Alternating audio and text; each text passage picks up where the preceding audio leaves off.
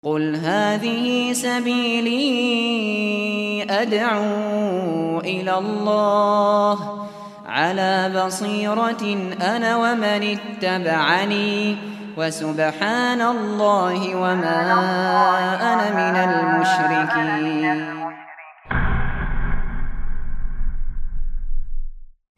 Bismillahirrahmanirrahim Assalamualaikum warahmatullahi wabarakatuh Alhamdulillah wassalatu wassalamu ala rasulillah wa ala alihi wa man tabi'ahum bi ihsanin ila yaumiddin. Allahumma anfa'na bima alamtana wa alimna ma yanfa'una wa zidna ilma. Baik eh, para peserta sekalian kita masuk ke sesi yang ke 8 Setelah kita melihat tadi kalau sudah kita mengetahui pentingnya tauhid dan takut pada syirik, biar kita juga tidak membiarkan yang lainnya dalam kesesatan, maka kita diperintahkan untuk mendakwahkan tauhid. Lalu saat ini bab ke-6 dijelaskan tentang makna tauhid dan syahadat la ilaha illallah atau judulnya dalam bahasa Arab tafsir tauhid wa syahadatu alla ilaha illallah yaitu tafsir kalimat tauhid dan syahadat la ilaha illallah. Tauhid dan kalimat la ilallah itu maknanya satu. Tauhid dan kalimat la ilaha illallah itu maknanya satu. Jadi kalau dikatakan tauhid itu adalah kalimat la ilaha illallah. Intinya kalimat tauhid punya dua kandungan atau memiliki dua kandungan. Ini nanti ingin dijelaskan dalam bab ini. Punya dua kandungan. Yang pertama pada kalimat la ilaha. Yang pertama pada kalimat la ilaha. Itu kandungannya meniadakan setiap sesembahan selain Allah. Meniadakan setiap sesembahan selain Allah.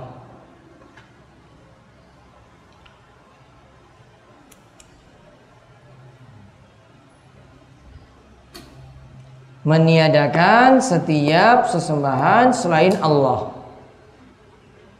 Jadi tidak ada untuk menyembah jin, tidak menyembah nabi, makhluk gaib maupun benda-benda yang disakralkan atau diagungkan tidak. Kemudian yang kedua, kandungan yang kedua menetapkan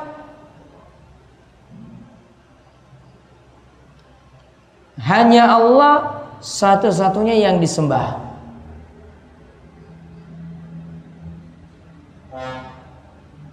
menetapkan hanya Allah satu-satunya yang disembah.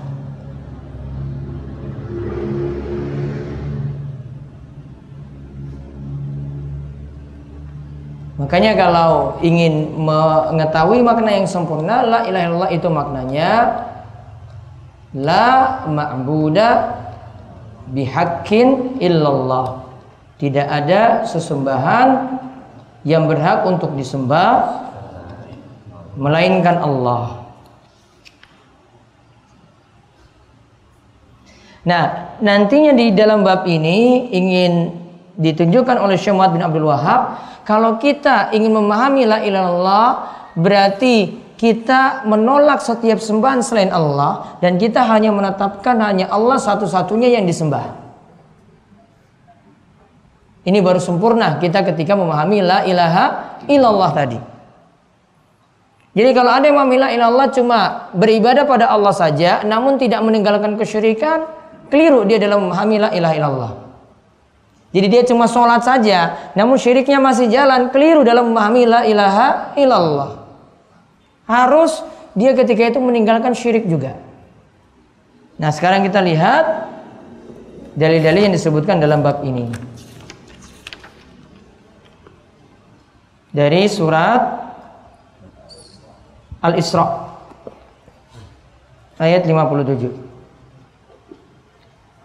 Allah taala berfirman ulaika alladziina yad'una yabtaghuna ila rabbihimul wasilata ayyuhum aqrabu wa yarjuna rahmatahu wa yakhafuna 'adzabahu inna 'adzaba rabbika kana Orang-orang yang mereka seru itu sebenarnya mereka juga mencari jalan kepada Rabb mereka.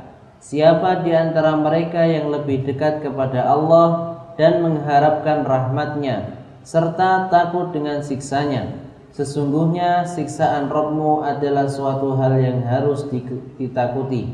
Ya itu ada kurang satu huruf ditakuti. Baik. Al-Isra ayat 57. Di sini sebenarnya ada cerita ya yaitu ulaikal lazina yad'una orang-orang yang mereka seru itu maksudnya orang-orang yang mereka tunjukkan ibadah kepada mereka. Ini orang-orang musyrik. Mereka beribadah kepada selain Allah ini. Yang selain Allah ini ini dilanjutkan. Yang selain Allah ini yabtaguna ila rabbihimul wasila ayyuhum aqrab ini sebenarnya orang-orang soleh ini mereka juga beribadah kepada Allah. Mereka cari siapakah di antara mereka yang paling dekat pada Allah. Mereka mengharap rahmat Allah, takut akan siksanya, dan sesungguhnya siksaan Rabbmu adalah suatu yang harus ditakuti. Nah, di sini ada beberapa penafsiran. Ini orang musyrik. Mereka itu beribadah kepada malaikat, ada yang beribadah juga kepada Isa, ada yang beribadah kepada Uzair. Uzair itu yang diagungkan orang Yahudi. Uzair itu yang diagungkan oleh orang Yahudi. Jadi orang-orang musyrik ini beribadah kepada malaikat. Padahal malaikat beribadah pada Allah. Orang musyrik ini beribadah pada Isa. Isa juga beribadah pada Allah. Orang musyrik ini beribadah kepada Uzair. Uzair juga menyembah Allah. Atau ada yang mengatakan tafsiran yang lainnya dari Ibnu Mas'ud, katakan yang dimaksudkan situ adalah sekelompok jin. Jinnya dahulu mereka sembah, lantas jinnya ini masuk Islam. Jinnya dulu disembah, lantas jinnya itu masuk Islam. Nah, ketika jinnya ini masuk Islam, mereka beribadah pada Allah. Orang-orang musyrik ini masih beribadah pada jin. Jadi yang mereka tujukan ibadah bisa jadi macam-macam sini ya, malaikat. Ada juga apa tadi? Isa. Ada juga Uzair. Ada juga jin yang sudah masuk Islam. Saat ini mereka itu beribadah pada Allah.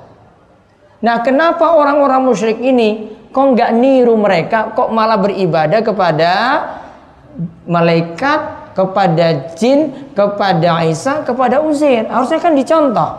Ini kan ibadahnya kepada Allah. Namun kok tunjukkan ibadah kepada situ? Padahal di sini orang-orang soleh ini mereka itu ila rabbihimul wasil yabtaguna ila rabbihil wasila mencari jalan siapakah di antara yang paling mereka di antara mereka paling dekat pada Allah mereka raya rahmat Allah juga takut akan siksa Allah. Nah, faedah yang bisa kita ambil di sini faedah yang bisa kita ambil di sini ada tiga kandungan. Ibadah kata Ibnu Qayyim atau tiga macam makom.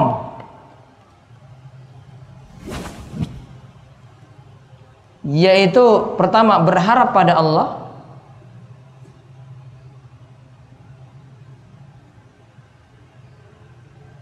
Kemudian yang kedua tawassul dengan amalan soleh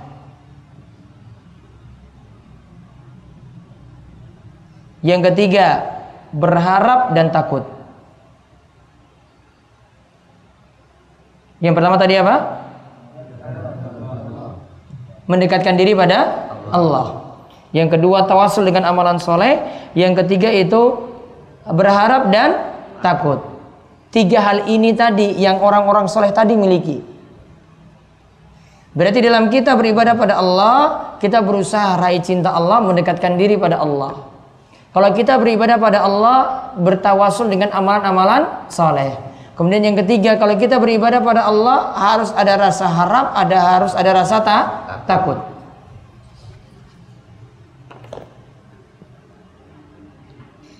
Dan kaitannya dengan makna la ilaha illallah Di sini diingatkan di akhir ayat sesungguhnya siksaan rohmu adalah suatu hal yang harus ditakuti. Apa yang salah di sini? Yaitu orang-orang ini orang-orang musyrik malah beribadah pada orang-orang so soleh. Berarti di garis bawahi dari kalimat orang-orang yang mereka seru itu sebenarnya mereka juga mencari jalan kepada roh mereka. Jadi ibadahnya pada orang soleh ini yang salah. Jadi kalau kita memaknai la ilaha illallah berarti harus meninggalkan peribadahan pada orang so soleh. Ada malaikat, ada Uzair, ada Isa, ada jin. Ditinggalkan. Gak usah pakai alasan-alasan apa pun. Gak usah pakai alasan untuk dekatkan diri pada Allah, untuk dapat syafaatnya, tidak. Pokoknya itu ditinggalkan peribadahan pada orang soleh.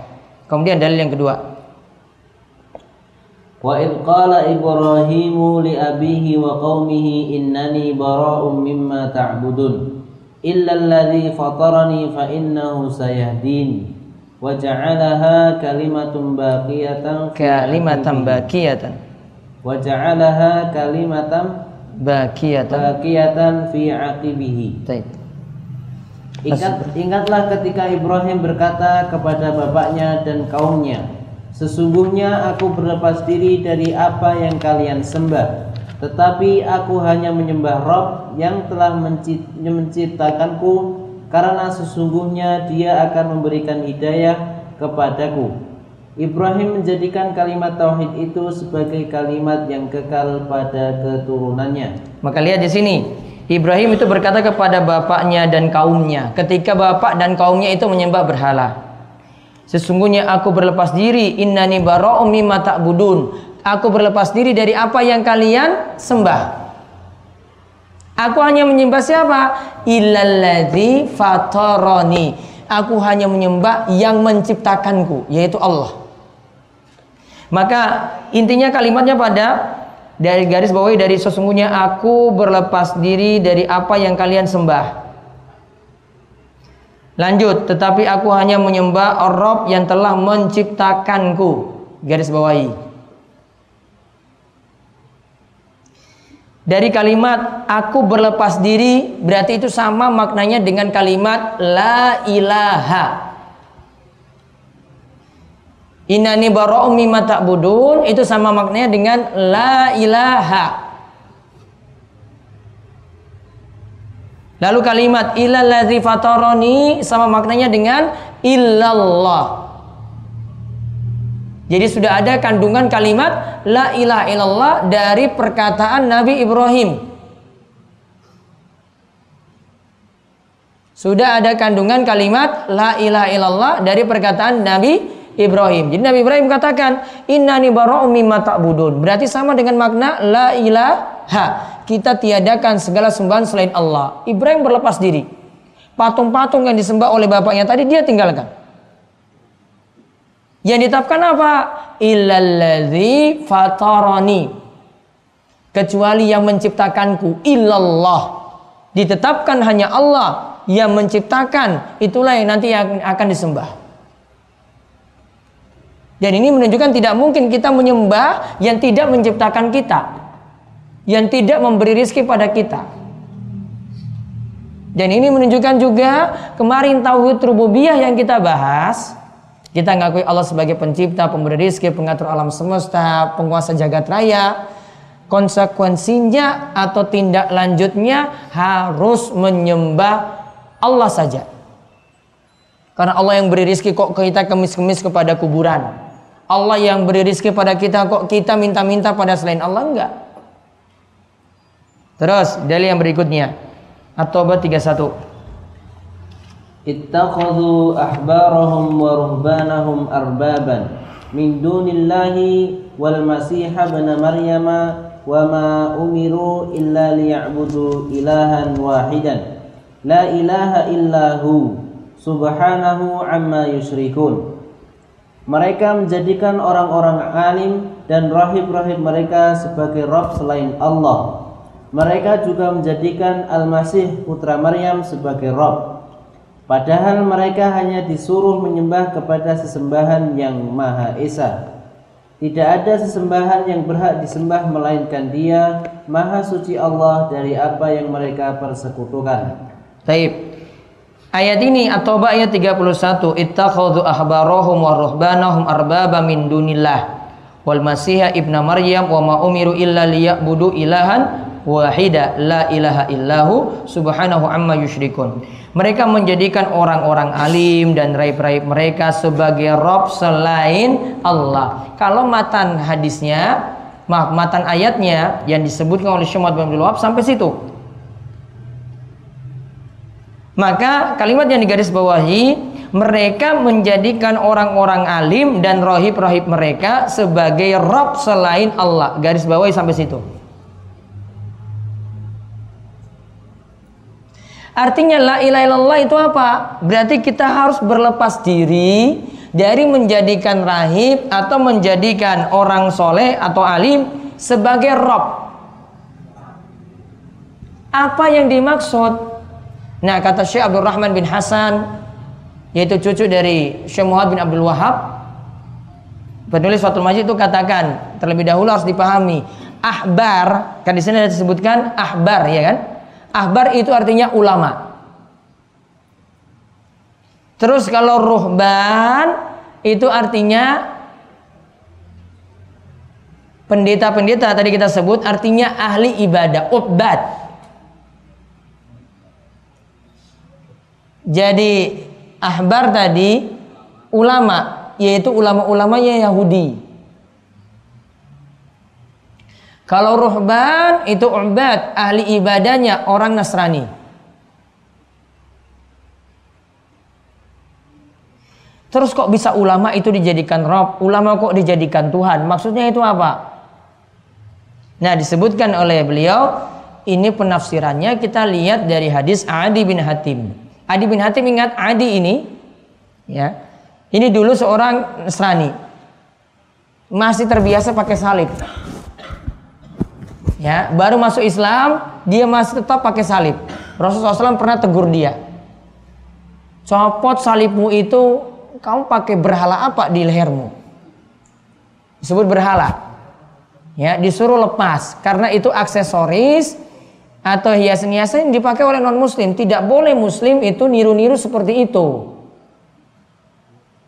Maka orang muslim itu nggak boleh pakai ciri-ciri khas non muslim contoh ciri khas non muslim itu apa? Contohnya itu kalau zaman kita ini ada salib ada juga pakaian sinterklas tahu pakaian sinterklas ya ada topinya kan? Ya Santa Claus ya. Ada pakaiannya juga merah putih ini biasanya kalau ada pegawai-pegawai perusahaan, anak buahnya itu disuruh pakai kayak gitu. Ya, kalau saran saya ya keluar aja dari pekerjaan itu, nggak manfaat.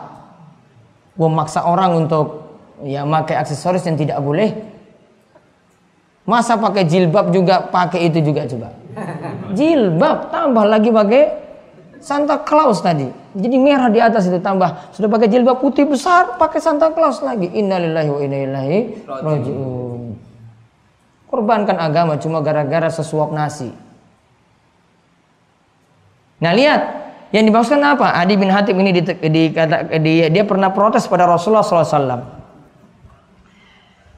Ketika ayat itu disebutkan, ya, dia katakan bahwasanya kami itu tidak menyembah ulama-ulama kami, alim-alim kami, yaitu rohib-rohib kami, begitu juga ahbar-ahbar kami. Kami tidak menyembah mereka.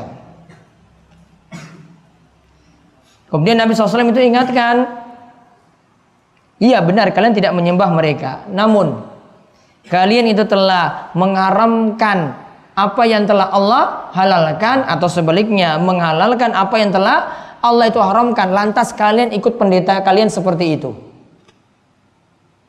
Berarti patuh dalam hal halal dan haram yang sudah jelas. Ini dari dalil, ini sudah jelas halal, kalian haramkan cuma gara-gara ikut pendeta kalian. Ini sudah jelas-jelas haram, kalian halalkan atau sebaliknya yang haram kali yang haram kalian halalkan, yang halal kalian haramkan.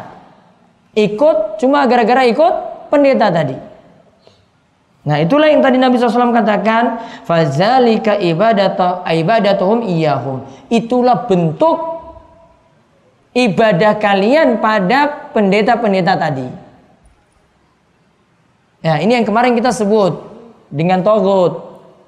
Togut itu adalah segala sesuatu yang seorang hamba melampaui batas. Min ma'budin ada yang disembah. Au matbu'in ada yang diikuti. Nah ini ini diikuti diikuti dalam hal apa? Halal haram. Sama seperti orang muslim ada yang ikut-ikut ustadznya atau kiainya. Ada yang sudah halal dia ikut-ikut haramkan. Kiainya haramkan padahal ini halal dia ikut-ikutan. Ataupun sebaliknya. Nah, berarti kalimat la ilaha illallah artinya apa? Kita tinggalkan bentuk tadi mengikuti mengikuti dalam hal halal dan haram yang menyelisih dalil.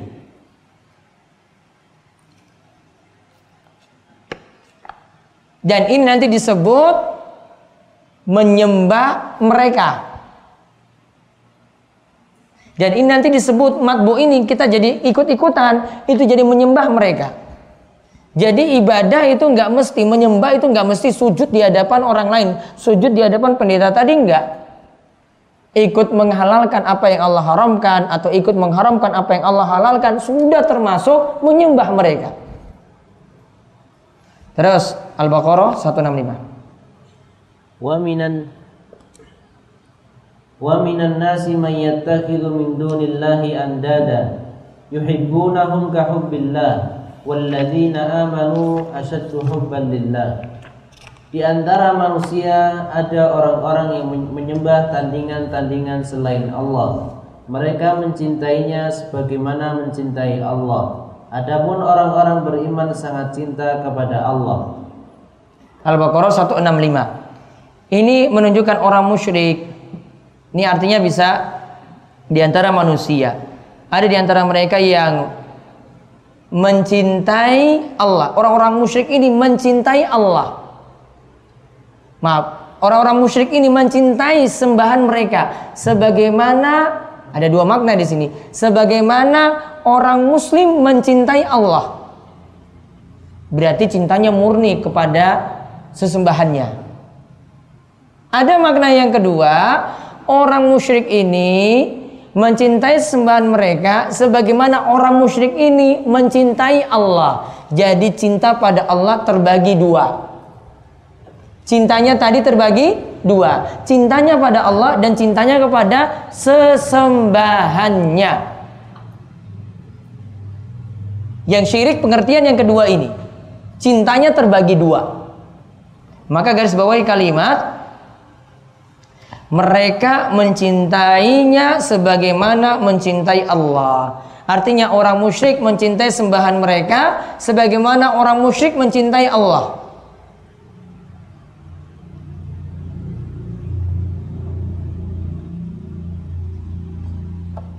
Berarti la ilaha illallah harus menghapuskan kecintaan yang nilainya itu ibadah pada selain Allah kecintaannya murni hanya untuk Allah semata. Ingat ya kita bahas cinta ibadah, bukan bahas cinta suami pada istri, bukan bahas cinta suami bapak pada anak. Bukan, namun ini kita bahas cinta ibadah.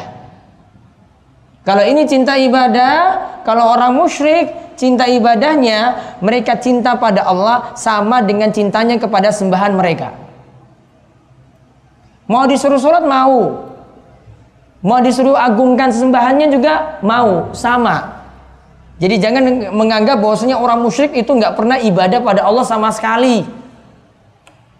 Orang musyrik juga bisa jadi orang yang paling rajin sholat. Jidatnya juga mungkin lebih hitam daripada kita. Mungkin dia paling rajin sholat tahajud, paling rajin sholat malam, sujudnya itu banyak. Jidatnya ini loh, ireng. Namun dia musyrik. Jadi jangan punya gambaran orang musyrik itu pokoknya ibadahnya itu nggak ada sekali sama Allah Subhanahu Wa Taala. Mungkin nggak pernah sholat. Orang musyrik ada juga yang sholat. Mungkin juga ada yang sampai haji juga ada. Banyak, banyak. Banyak. Ya haji memang banyak. Ya. Mungkin ada seperti itu. Musyrik, namun apa? Dia musyrik.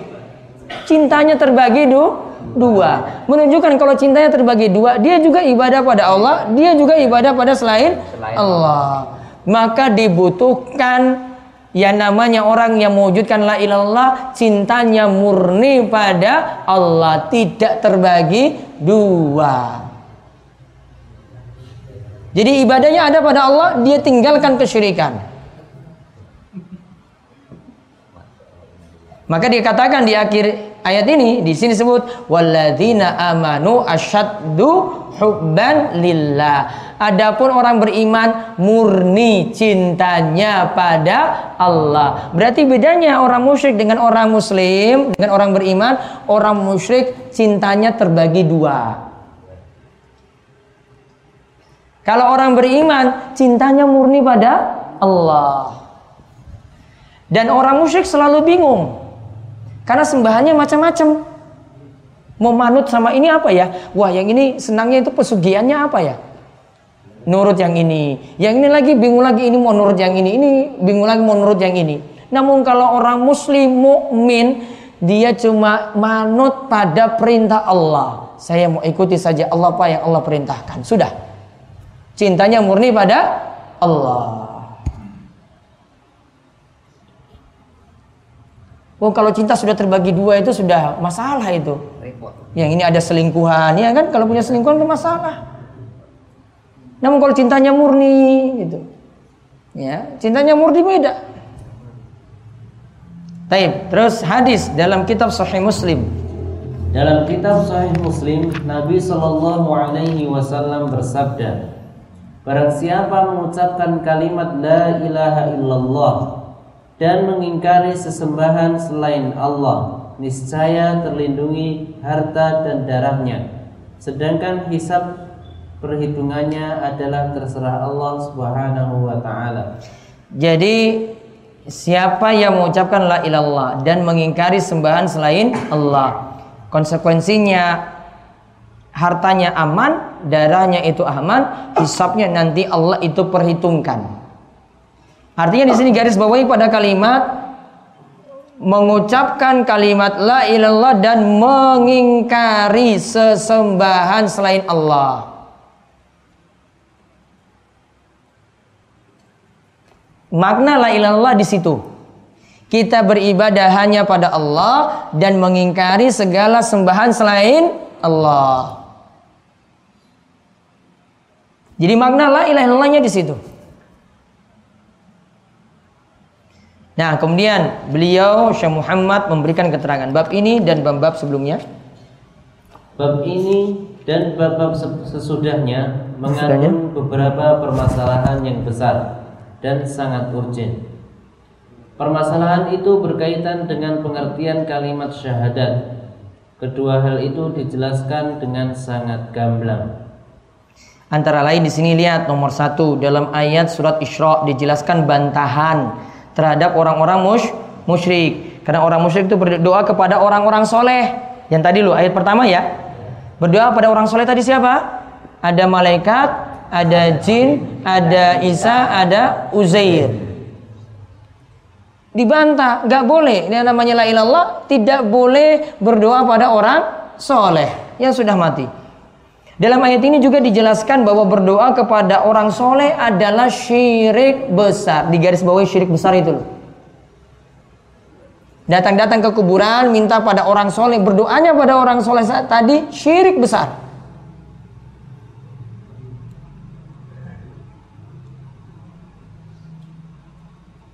Lalu jelaskan lagi. Dalam ayat surat Al-Baro'ah, Al-Baro'ah itu diberi keterangan surat At-Taubah.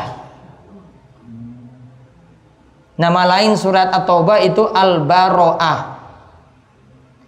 Dijelaskan bahwa ahli kitab menjadikan orang-orang alim dan raib-raib mereka sebagai rob selain Allah. Kan jelaskan seperti itu tadi surat At-Taubah.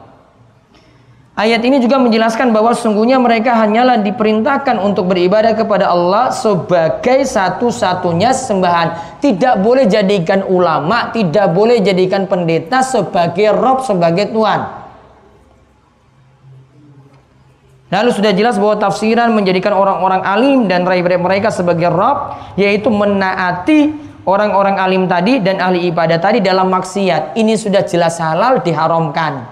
Ini sudah jelas haram dihalalkan. Itu namanya mengikuti dalam maksiat. Namun bukanlah maksud ahli kitab menyembah mereka, sujud depan mereka langsung. Namun syiriknya dalam hal taat.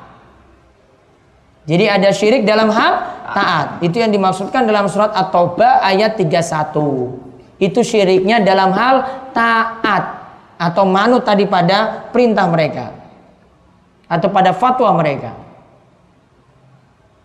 Lalu perkataan Ibrahim Al-Khalil yang tadi Ibrahim itu mengatakan innani bara'um mimma ta'budun ilal ladzi fatarani. Aku berlepas diri dari apa yang kalian sembah, tetapi aku hanya menyembah kepada Rob yang telah menciptakanku. Dalam hal ini Ibrahim mengecualikan Allah yang disembah. Allah menyebutkan bahwa Ibrahim itu berlipat berlepas diri dan inilah tafsir atau makna la ilaha illallah. Kita harus tinggalkan kesyirikan. Jadi ada yang ucapkan la ilallah namun tidak tinggalkan kesyirikan berarti cuma di lisan saja, tidak manfaat kalimat la ilaha illallahnya. Lalu yang keempat lagi, ayat dalam surat Al-Baqarah yang menerangkan tentang orang-orang kafir wa mahum bi kharijina minan nar dan sekali-sekali mereka tidak akan keluar dari api neraka. Maka di situ disebutkan dalam ayat 165 Al-Baqarah Allah menyebutkan bahwa orang-orang kafir mencintai sembahan-sembahan selain Allah sebagaimana mereka mencintai Allah. Tadi yang kita bahas. Cintanya terbagi apa? Terbagi dua. Allah juga menerangkan bahwa mereka sebenarnya sangat mencintai Allah. Akan tetapi itu semua tidak masukkan mereka ke dalam Islam. Karena cintanya yang terbagi dua tadi. Cinta ibadahnya Lantas bagaimana dengan orang yang kecintaannya murni hanya untuk sembahan selain Allah? Cintanya sampai lebih besar. Kalau cintanya sama syirik. Ini cintanya terbagi dua tadi ya, 50-50. 50 50 syirik. Kalau 70 30 lebih syirik lagi. Kalau murni 100 kosong lebih syirik lagi. Ini baru 50-50 tadi loh. Cintanya sama. Cintanya pada Allah dengan cintanya pada sembahannya itu sama. 50, 50, 50, 50. Apalagi kalau ini 70, ini 30. Ritual syiriknya lebih besar daripada sholatnya. Coba. Ini 70, 30, 80, 20. Lebih parah lagi syiriknya. Bagaimana pula dengan orang yang hanya mencintai sembahan Allah saja dan tidak mencintai Allah sama sekali? 100 kosong. Lebih syirik lagi. Belas sholat nggak kenal, ibadah nggak kenal, pokoknya keseharian syirik saja. Ya, datang mau masalahnya untuk selesai, datang ke kuburan, minta pada orang soleh yang sudah mati, nggak pernah doa sama sekali pada Allah. Lebih parah lagi, ini baru 50-50 tadi sudah masuk syirik. Kemudian sabda Rasulullah Barang siapa yang mengucapkan la ilaha illallah dan mengingkari sembahan selain Allah niscaya terlindungi harta dan darahnya tadi hadis terakhir. Hadis di atas kata beliau adalah penjelasan dari beliau yang paling gamblang yang menguraikan makna la ilaha illallah. Karena la ilallah punya dua syarat tadi, dua kandungan nggih. Kita ingkari sembahan selain Allah. Kandungan yang kedua tadi apa? Tetapkan hanya Allah yang disembah. Ini penjelasan paling gamblang tentang makna la ilaha illallah.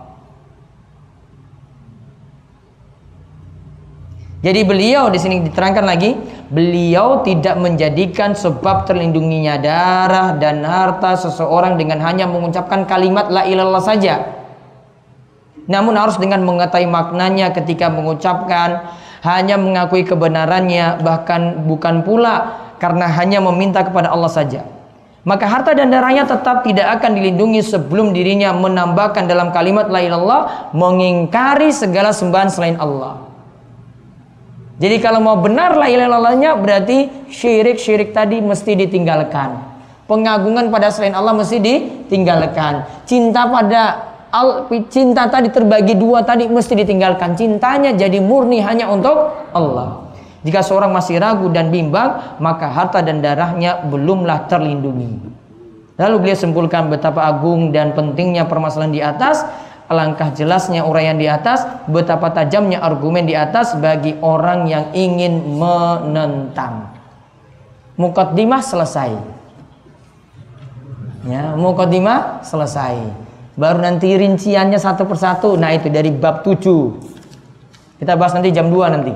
Istirahat dulu, tenangkan pikiran itu tadi ya yang yang berat-berat. Ya. Tidur. Ya, baru nanti fresh baru mulai bab 7. Mulai ini rentetan bahas ini. Ini sudah mulai penyerangannya. Tadi itu baru mengatur strategi masuk. Ya, ini sudah masuk di wilayah pertahanan. Sudah mau, mau, mau ngegolin ini. Ya, siap-siap untuk nendang ke gawang. Ya, baik. Pak Hari. Uh, kalau ada yang terus jinnya itu minta saya mau keluar, tapi saya harus hadiah apa Kalau si Ustaz itu apa uh, permintaan dari jin itu termasuk syirik? Pokoknya jangan diikuti apa kata jin. Walaupun cuma sepele-sepele. Apalagi nanti permintaannya sampai suruh nyembelih-nyembelih. Kalau nyembelih berarti nanti sudah syirik nanti di situ. Namun kalau tadi ya kalau sampai mengikuti biasa seperti itu enggak.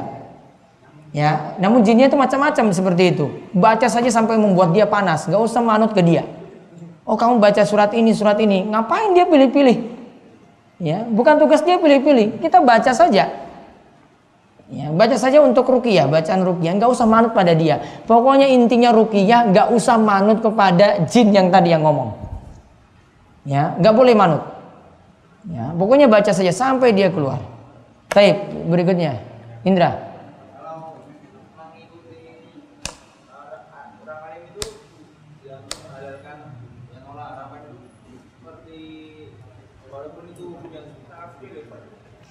Walaupun hukumnya sangat sepele.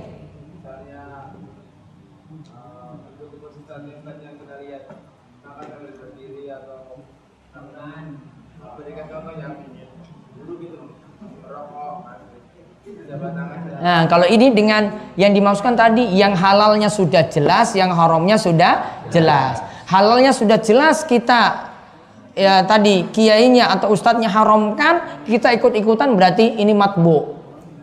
Ini orang yang diikuti dalam hal menghalalkan yang haram atau mengharamkan yang halal. Itu bermasalah. Namun kalau dalilnya itu belum jelas atau masih punya penafsiran.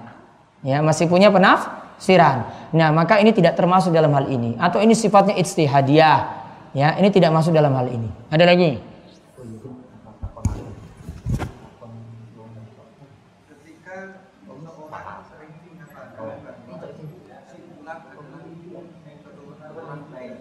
Si fulan adalah keturunan orang baik. Ada yang nyebut seperti itu. Terus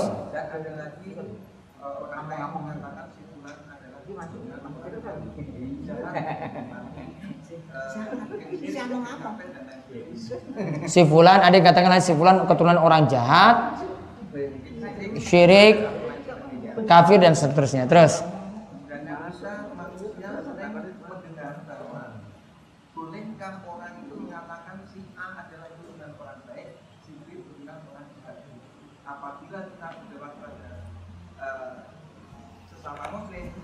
kita hendaknya mengambil contoh dari para para nabi terdahulu. Contohnya seperti Nabi Nuh yang eh, keturunannya termasuk kangat termasuk orang yang kafir misalkan. Dan eh, Nabi Ibrahim ayahnya sebagai pembuat patung dan ini adalah merupakan eh, urutan daripada turunan. Nah, yang kan maksud boleh kan kita mengatakan bahwa si A nya adalah jahat atau orang baik. Kasih. Nah, yang jelas perlu dipahami eh, dosa itu dari anak tidak bisa dia mewariskan dosa dari bapaknya. Wala taziru waziratu wizra ukhra. Seseorang tidak dapat dosa waris dari orang sebelumnya. Ya, dosa itu tidak bisa diwariskan. Yang bisa itu kalau kita jadi contoh, yang lain ikut-ikutan dosa ini. Kita jadi contoh, yang lainnya ikut-ikutan. Maka yang jadi contoh tadi, dia dapat dosa bagian dari ini yang ikut.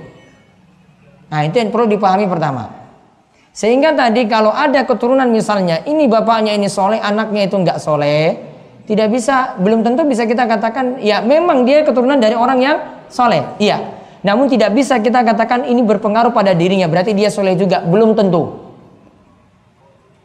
Namun memang benar dia dari orang yang soleh. Nah, kemudian juga ada orang yang sebaliknya, ini dari keturunan yang jahat, belum tentu juga kita katakan bahwasanya dia memang dari keturunan yang jahat. Namun belum tentu dia ini pengaruh jahatnya. Terpengaruh jahatnya belum tentu. Ya, belum tentu seperti itu. Nah, jadi tidak bisa dipukul rata namun kalau cuma sekedar istilah saja boleh. Namun perlu dipahami kalau untuk penyebutan untuk Nabi Ibrahim tidak bisa kita katakan dia keturunan orang jahat nggak boleh. Nggak santun pada na, Nabi dari sisi perkataan. Satu lagi, Pak Warjo. yang ditantangkan tentang itu karma Pak. misalkan dosa orang tua itu apakah nanti eh, akibatnya bisa Pak keturunannya Karma dosa orang tua bisa berpengaruh pada keturunannya enggak? Kalau katakan dosa waris tidak?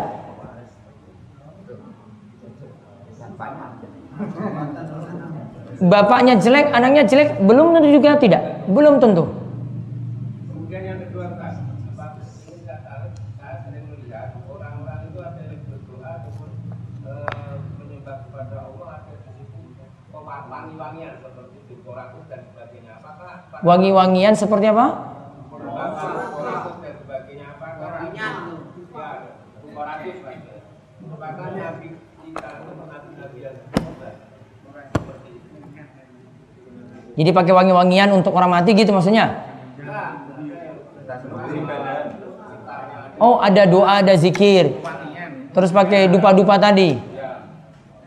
Seperti itu. Nambah tambahan ini tidak ada tuntunan. Dan itu bukan jadi sebab untuk terkabulnya doa atau lebih manjurnya zikir tidak. Tidak ada tuntunan. Namun kalau dihukumi syirik itu tidak masuk syirik, bukan pembahasan syirik, namun masuk dalam pembahasan bid'ah amalan yang tidak ada tun tunan. Jadi pakai pakai wangian itu. Pakai wangian apa? Ya, kita kalau orang kita kadang-kadang ketemu sama orang yang sama-sama itu ada baunya gitu. Katanya anu tuh wangi minyak terus itu wangi atau bagaimana? Boleh, wangi-wangi itu boleh sunnah. Laki-laki itu wangi, harus wangi.